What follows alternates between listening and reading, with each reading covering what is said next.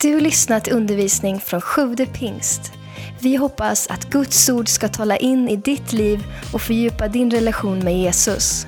Besök gärna vår hemsida, www.sjuvdepingst.se. Härligt att se er allihopa. Vilken underbar dag. Eh, vi har ju ett härligt tema den här sommaren. 12 förvandlade liv. Sju olika predikanter under sommaren som lyfter fram Eh, 12 stycken olika människor i Bibeln som får ett förvandlat liv av Gud. Eh, och vår vision i den här kyrkan är förvandlade liv.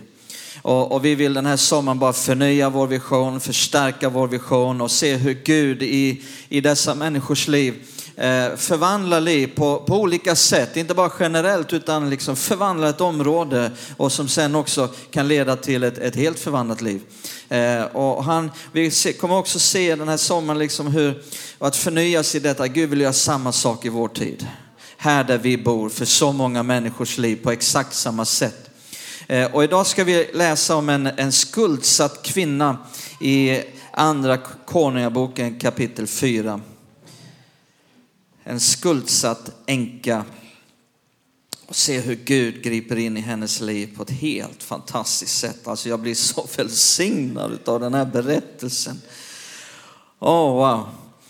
Eh, men innan vi läser så, så ber vi tillsammans. Fader, vi tackar dig för ditt ord. Vi tackar dig att du vill tala in i våra liv den här förmiddagen. Vi öppnar våra hjärtan. Tack att du vill verka i våra liv.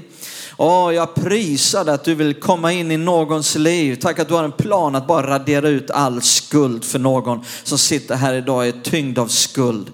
Tack att du vill bara göra så att någon bara ska kunna betala av.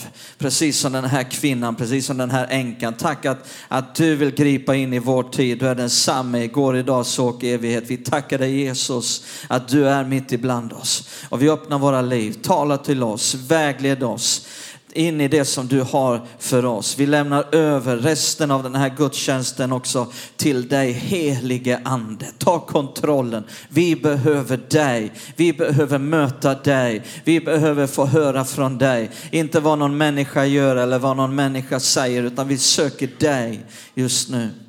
Amen. Andra Konungaboken kapitel 4, vers 1-7. En kvinna som var hustru till en av profetlärjungarna ropade ropade till Elisha. Min man, din tjänare har dött. Du vet att din tjänare fruktade Herren. Nu kommer hans fordringsägare och vill ta mina båda söner till slavar. Elisha sa till henne, vad kan jag göra för dig? Säg mig vad du har hemma. Hon svarade, din tjänarinna har inget annat än en flaska olja. Då sa han, gå och låna kärl av alla dina grannar, tomma kärl, men inte för få. Gå sedan in och stäng igen dörren om dig och dina söner och häll olja i alla kärlen. När ett kärl är fullt så flytta det. Då gick hon ifrån honom. Sedan, hade, eh, sedan hon hade stängt igen dörren om sig och sina söner bar de fram kärlen till henne och hon hällde i av oljan. När kärlen var fulla sa hon till en av sina söner, ge mig ett kärl till. Men han svarade henne, det finns inget mer kärl. Då stannade oljeflödet. Hon gick och berättade det för gudsmannen. Han sa, gå och sälj oljan och betala din skuld. Sedan kan du och dina söner leva av det som blir över. Halleluja, vilken fantastisk berättelse. Eh, den här kvinnan, hon hade hamnat i en hemsk situation.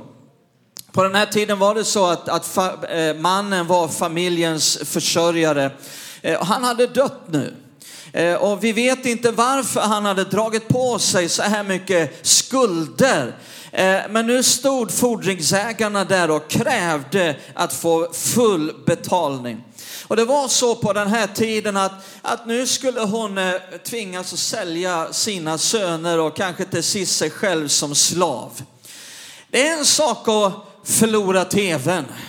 Det, det, är en sak att förlora bilen. Det är en sak att förlora investeringar. Men det är en annan sak att förlora sina söner. Det var en hemsk situation hon hade hamnat i. Hennes man hade tjänat Gud med hela sitt liv. Hon säger till Elisa, min man, din tjänare Kanske att hon kände en frustration. Eh, hur kommer det sig? Hur kan det vara att, att vi har varit goda, att vi har tjänat Gud med hela vårt liv och ändå hamnat i det här? Och kanske när jag talar och målar upp den här berättelsen här idag att det är någon som känner igen sig på ett, en eller annan sak och Gud vill tala till dig på olika sätt. Skuld kan vara en fruktansvärd sak. Titta vad som står i Ordspråksboken kapitel 22 och den sjunde versen. Ordspråksboken 22 och vers 7 så står det den rike råder över de fattiga. Den som lånar blir långivarens vadå? Slav. Alltså skuld kan fånga dig i en fälla som tar allt ifrån dig. Som du kan känna berövar dig på all heder och all respekt som för dig in i slaveri och bundenhet. Så många människor i vår tid är slavar under skuld och, och, bestämmer allt mindre över sig själva, över sin tid, över sina pengar. Eh, därför att det står många fordringsägare och kräver betalning. Så att när lönen till sist kommer så ska den ut i 53 olika riktningar. Och det fanns väldigt lite att få bestämma över själv. Är ni med? Eh, eh, så den här änkan hon kände en brutal press. En brutal stress. Hon var så berövad på all glädje.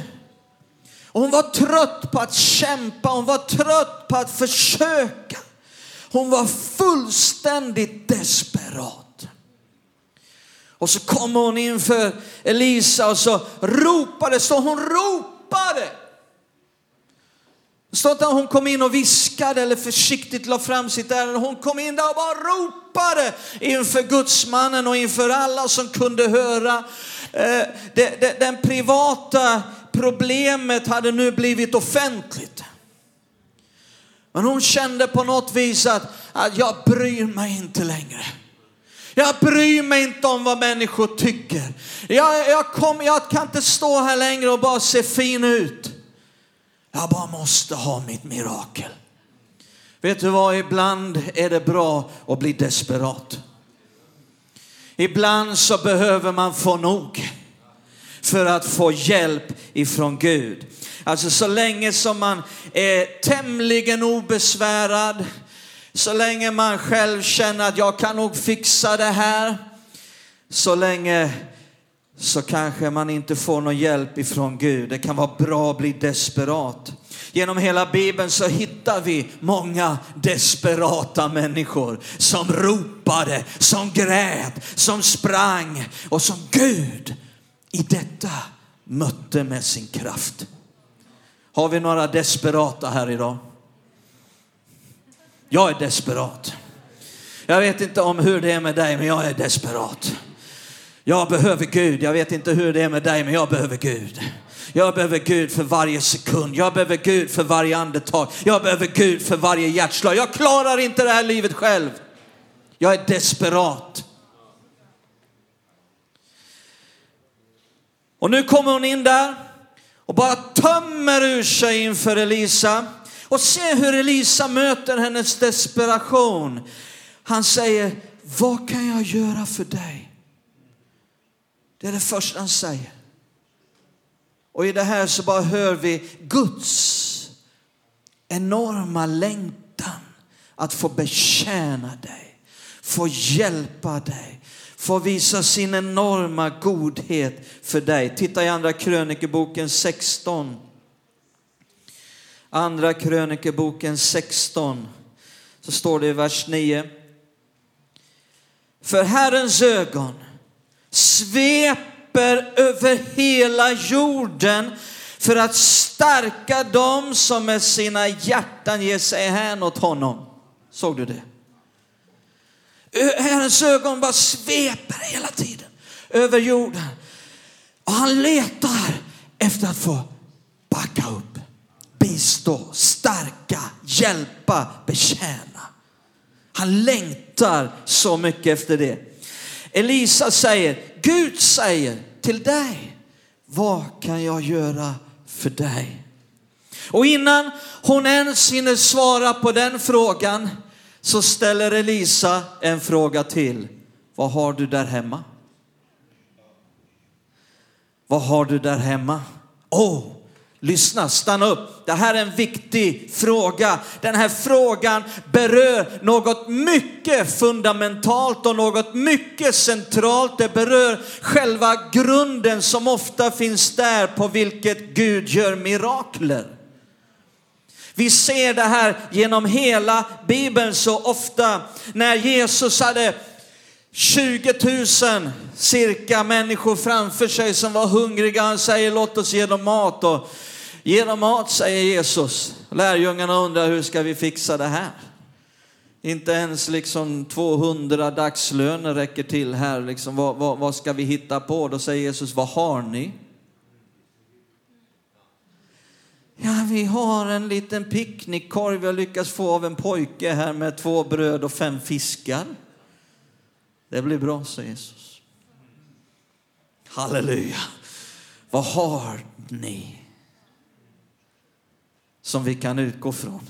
Och så välsignar han det här och så ger det mat till 20 000 pers. Eh, när, när Moses står där och stammar inför Gud som har kallat honom att vara ledare för hela Israels folk och leda dem ut ur Egypten och säger hur ska de fatta det här? När jag kommer och säger det här. Då säger Gud, vad har du i handen?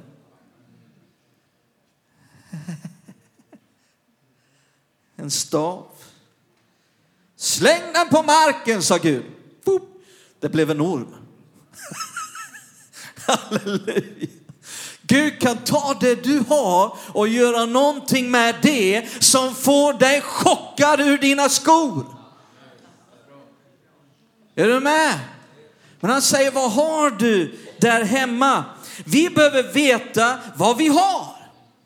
Vi behöver kunna möta livet precis som Petrus och Johannes när de sa silver och guld har jag inte, men vad jag har det ger jag dig. Vi behöver veta vad vi har eh, i våra liv, vad, vad, vi har fått ifrån Gud, vad som finns där. Så ofta i livet så kommer vi till Gud med alla våra problem. Och när vi säger Gud hjälp mig så ställer han en enkel fråga. Vad har du där hemma? När vi tittar där ute efter finns det någon där ute som kan hjälpa mig så behöver vi titta här inne. Jag vet här för ett par år sedan vi skulle göra en teamresa till Algeriet och vi visste vi behöver en tolk för jag kan inte franska och jag kan definitivt inte all, äh, arabiska. Och ingen annan kan det heller i vår tid. Vi måste ha en tolk för annars är liksom det är meningslöst att ens åka på den här teamresan. Och jag ringde till någon i Småland, jag ringde till någon i Stockholm, jag letade med ljus och lykta i hela Sverige och alla sa nej, nej jag kan inte följa med, jag kan inte följa med. Och till sist så började jag fråga Gud.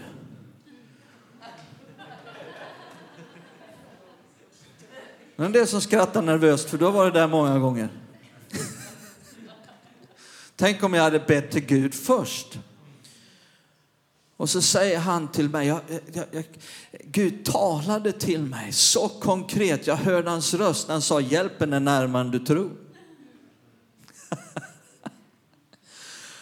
Och så resulterade det i att Danny Nissan följde med. Och han har blivit Mr Algeriet i vår kyrka alltså. Halleluja! Alltså vilken tolk. Och, och liksom, han var ju predikanten där nere. Han var den som blev kompis med, med apostlarna där nere och är den som fortfarande håller vår kontakt. Och nu ska vi åka igen, jag och Danny. Och den här gången har vi med oss Pelle Hörnmark och ett par ledare till från Pingst ner till Algeriet. För att Gud, han visade, hjälpen är här inne. Det du behöver är här inne. Frågan eh, som profeten sa, vad har du där hemma? Men lyssna på hennes svar.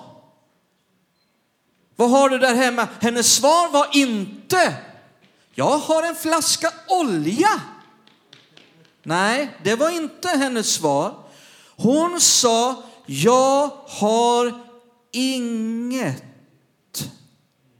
Bara stanna upp där. För så ofta så säger vi samma sak. Jag har inget. Gud, jag behöver en ny bil. Gud, jag behöver nya kläder. Gud säger, vad har du där hemma? Jag har inget. En del de kan stå framför garderoben och säga, jag har inget att sätta på mig. Och hela garderoben är full.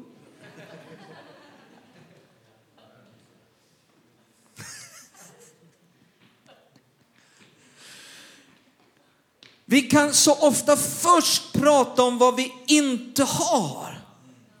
Istället för att värdera vad vi faktiskt har. Vi behöver se det vi har, värdera det vi har, bli tacksamma för det vi har. Om vi inte kan vara tacksamma för det vi faktiskt har så kan Gud inte hjälpa dig. Tro och tacksägelse går hand i hand min vän. Jag kommer ihåg när jag var bibelskoleelev borta i Oklahoma, USA 1988. Och jag var så tacksam för de enorma under som Gud hade gjort i mitt liv så jag skulle kunna vara i USA ett helt år utan att arbeta, utan att ha någon lön och studera där. Det blev två år till sist för att Gud gjorde ännu mer mirakler under. Eh, eh, och jag ville få prisa Gud. Jag var van att varje dag ta min gitarr och lovsjunga Gud länge. Jag hade ingen gitarr. Men halleluja, han som jag hyrde ett rum av som hade lägenheten, han hade en gitarr. Men det var bara två strängar på den. De två översta bassträngarna. Och du kanske tycker det är löjligt att jag inte kunde gå och köpa nya strängar, men min budget var så tight så jag kunde inte köpa ett par strumpor under hela året. Jag visste att jag har så det räcker. Jag hade räknat ut så hur många dollar jag kunde spendera varje dag och jag var bara tacksam att jag fick vara där. Jag var tack, men jag visste jag har inget över att köpa någonting under det här året. Men jag har kläder så det räcker. Gud välsigna mina strumpor så de håller. Jag har vad jag behöver, jag har allt för att betala hyra och den mat jag behöver varje dag. Men jag har inte pengar att köpa strängar. Men jag tog den där gitarren och så började jag spela varje dag på de två bassträngarna. Så prisade jag och så sa tack Gud för dessa två strängar. Tack för att jag kan prisa dig. Tack, för, jag tackar honom konkret för de två strängarna. Du tycker jag är kanske lite överdriven och, och löjlig, men jag gjorde det. Jag sa tack Gud för de här två strängarna. De ska prisa dig. Och det gjorde jag hela det året. Så gjorde Gud mirakler så jag kunde gå till andra år. Jag ska inte berätta för jag kommer ta hela eftermiddagen om hur Gud gjorde det. Men det får vi ta en annan gång. Men under, när jag kom dit det andra året och, och jag bodde med min bästa kompis från North Carolina. Och så en vacker dag, då ringer telefonen. Då är det en man som heter Eugene. Vi brukar kalla sig Hygiene när vi mötte honom. Eh, så Eh, i alla fall, Eugene ringer till mig. Han kände mig inte så väl. Vi morsade på varandra i skolan sådär, men han frågade mig, eh, spelar du gitarr? Han kände mig inte tillräckligt för att veta om jag spelar gitarr. Så jag sa, jag sa ja, jag spelar gitarr. Ja, jag tyckte det var så märkligt här. Gud talade till mig idag så att jag ska ge bort min gitarr till dig. För jag skaffade den här för ett år sedan för jag tänkte jag ska lära mig att spela. Han var från Alaska. Och eh, eh, jag, jag, ska, jag tänkte jag ska lära mig att spela gitarr men jag får aldrig tid. Och nu har jag den här gitarren hemma och jag frågar Gud vad ska jag göra med den här som jag köpt nu här. Och då sa Gud att jag skulle ge den till dig. Ja, tack så mycket, sa jag. Och sen sa jag, kan du komma hem och hämta den? Ja, och sen hade jag en annan kompis, han var från Kanada. Han, han ägde en gitarraffär i Los Angeles. Vi var bästa kompisar andra året. Victor hette han. Johnny Guitars i Los Angeles ägde han. Han var gitarrexpert. Hela hans familj var gitarrexpert. Alla hans släktingar var gitarrexperter. Han tog jag med mig.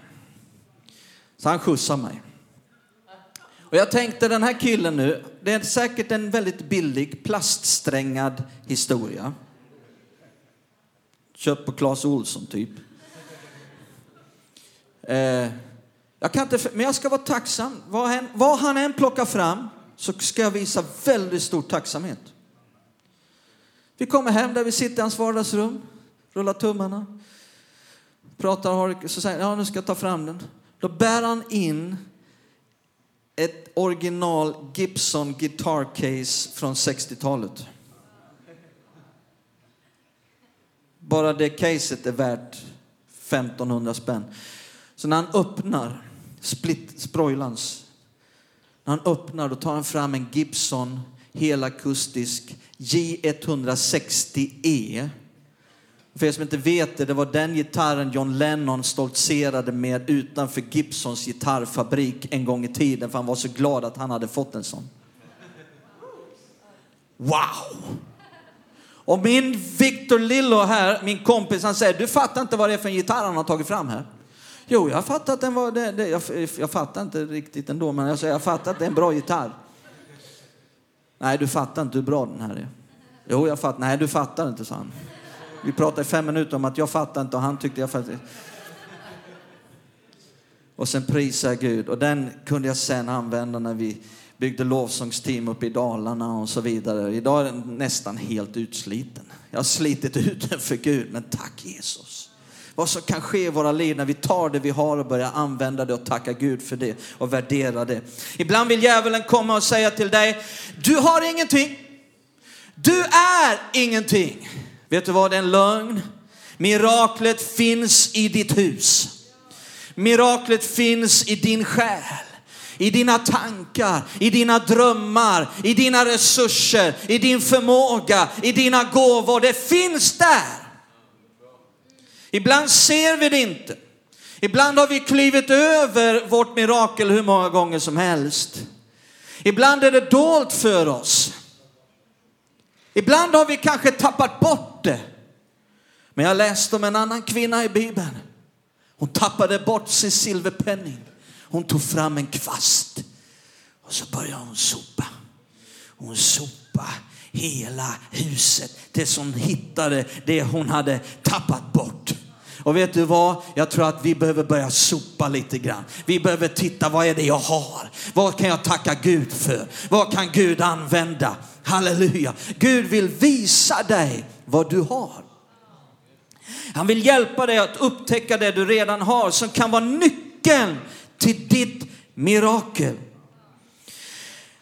Vad skulle hon nu skaffa? Frågan var vad hon hade. Nu kommer nästa sak. Vad skulle hon skaffa? Jo, profeten säger gå och låna. Kärl. Gå och låna. Men hallå, hon var ju i skuld. Varför dra på sig mer skuld när du är i skuld? Det är det första profeten säger, gå och låna. Men jag är ju skuldsatt. Om man har problem vill man ju inte ha mer problem. Men har du lagt märke till ibland när du ber för någonting så blir det sju gånger värre? Som när Sadrak och Mesak och Abednego i Babylonien, de blev hotade med den brinnande ugnen att om de inte föll ner och tillbad statyn så skulle de bli kastade i den brinnande ugnen. Och när de bestämde sig för att tjäna Gud och inte kompromissa och bara tillbe den levande guden så eldade de upp ugnen sju gånger hetare.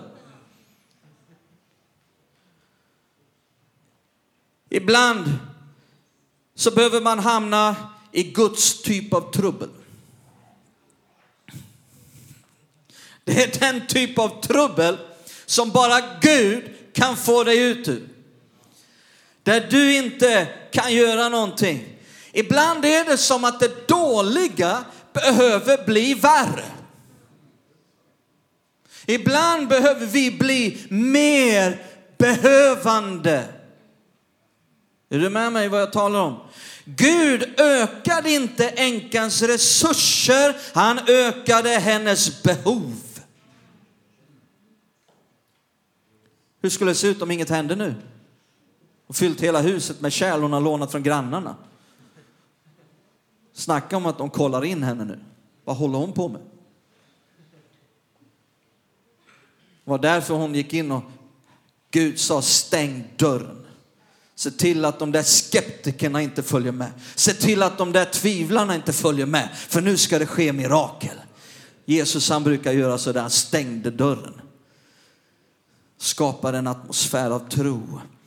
Han ökade hennes behov. Så de gick runt till alla sina grannar och lånade så många kärl de kunde. Eh, och vad är det som händer här nu? Jo, de skapar utrymme. Kan alla säga utrymme? Vi behöver skapa utrymme. De skapade utrymme, utrymme för miraklet. Titta här nu Jesaja 54, jag ber till Gud att du ska se det här. Det här är en viktig princip. Jesaja 54, vers 2 till 3.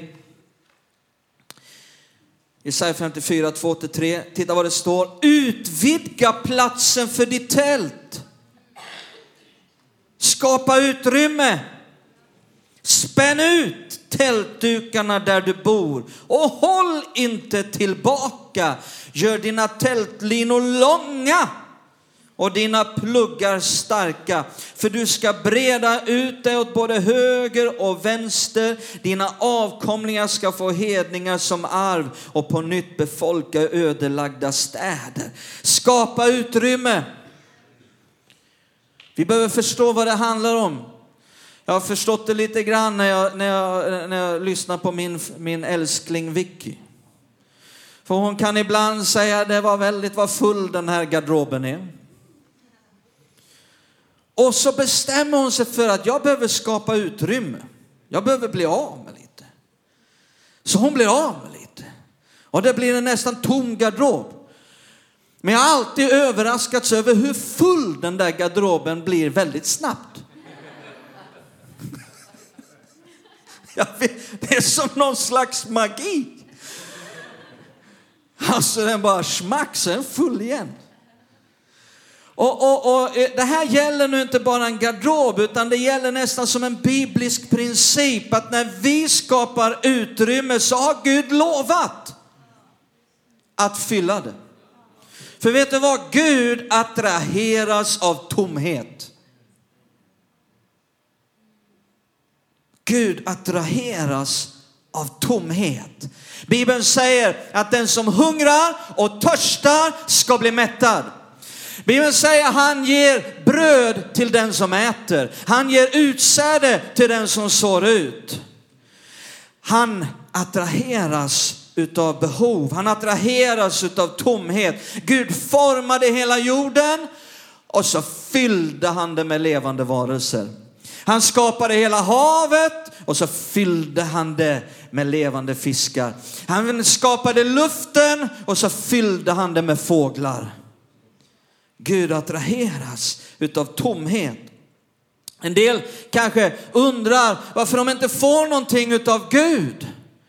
Men det kan bero på att man är så fylld av sig själv och vad man själv lyckas skrapa ihop hela tiden. Man är inte i behov. Men om du böjer dina knän inför Gud och säger Gud, jag vet inte hur jag ska vara en bra pappa. Jag vet inte hur man är en bra fru. Jag vet inte hur i mig själv hur jag ska göra det och det. Och lägger bort det här att du tror att du kan och att du tror att du vet och att du tror att du har allting i dig själv och gör dig beroende av Gud. Och säger Gud, jag behöver dig för varje steg jag tar. Jag är inte tillräckligt vis, jag är inte tillräckligt smart, jag är inte tillräckligt bra i mig själv. Jag har inte vad som krävs i mig själv. Jag behöver dig. Då ska du få se att det börjar flöda någonting från Gud som eh, blir långt mycket bättre än det som är du själv. Så, så länge de förde fram tomma kärl flödade oljan. Men när det inte längre fanns tomma kärl så stannade oljan av. Under många år så har jag bevittnat hur Gud låter, det verkar som att, det är som att Gud låter mig inte samla på hög. Samla enorma högar för kommande behov. Vi har lagt märke till att så länge det finns ett behov så flödar det. Det funkar. Och ofta vet jag inte hur det funkar, men det funkar på något konstigt sätt. Och du vet, ska man gå med Gud så kan man inte bli så feg Så man vågar inte skapa behov förrän man har enorma resurser. Eh, eh, och det finns de som, som inte vågar ta ett steg förrän de har bunkrat upp med enorma resurser innan de långt i förväg har räknat ut hur allt ska ske. Men vet du vad, om du är ledd av Gud så kan Gud se till att det skapas enorma behov och du står där med en liten flaska. Olja. Men då gäller det att inte förringa det du har, utan värdera det och tacka Gud för det och börja använda det. Då ska du få uppleva ett flöde från Gud. Hon tog sin lilla oljeflaska och så började hon hälla. Och när ett kärl blev fullt så sa hon ta hit det till. Ända till dess att en av sönerna sa det finns inga mer kärl. Då stannade oljan av. Vet du vad? Den här kvinnan bestämde själv omfattningen på hennes mirakel.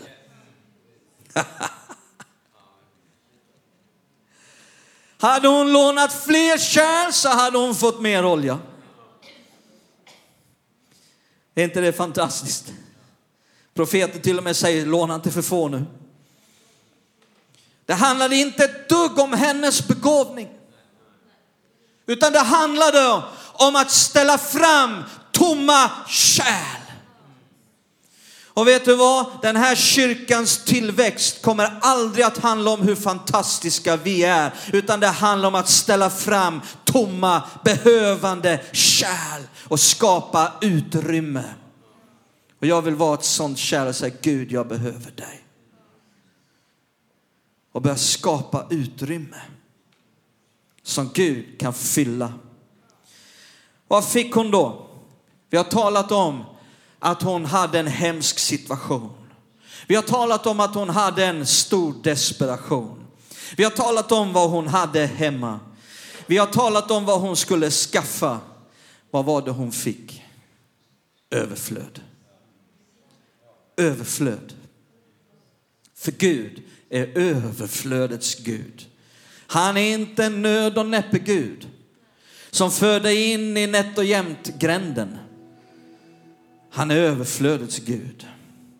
Han tänker alltid överflöd med allt han gör. Den här kvinnan, den här änkan, hon gick och sålde allt och så betalade hon av sina skulder och så levde hon av det som blev över. Hon gick från att försöka överleva till att leva över. En del man frågar om hur är det jag överlever. När någon frågar mig hur jag har det ibland så brukar jag säga jag lever över. För Bibeln säger ni ska inte vara under, ni ska vara över. Ni ska vara huvud och inte svans. Jag lever över. Halleluja, jag lever över.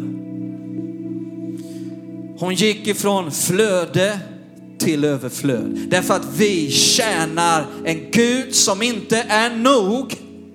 Vi tjänar en Gud som är mer än nog. Kan jag få ett amen på det? Då slutar jag där. Ska vi stå upp tillsammans? Tack Jesus. Kanske vi ska bara ta ett par minuter nu och be. Bara ta en liten stund inför Herren. Kanske du vill forma en enkel bön här idag utifrån det som jag har predikat. Det som har varit Guds ord till oss här idag.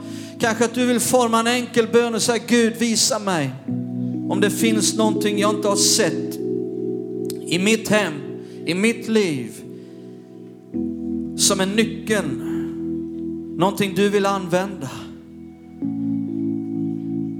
Gud vill hjälpa dig att se någonting som du har. Jag är övertygad om att du har någonting som blir nyckeln till din framtid. Du har någonting i ditt liv som Gud vill sätta sin välsignelse till och som kommer att bara explodera och förökas på ett sätt som bara chockar dig. Du har någonting. Kanske att vi ska forma en bön här. Säg Gud, visa. Visa. Hjälp mig att se. Hjälp mig att uppskatta, hjälp mig att värdera. Tack för att du lyssnat. Glöm inte att du alltid är välkommen till vår kyrka. Du hittar mer info på www.sjuvdepingst.se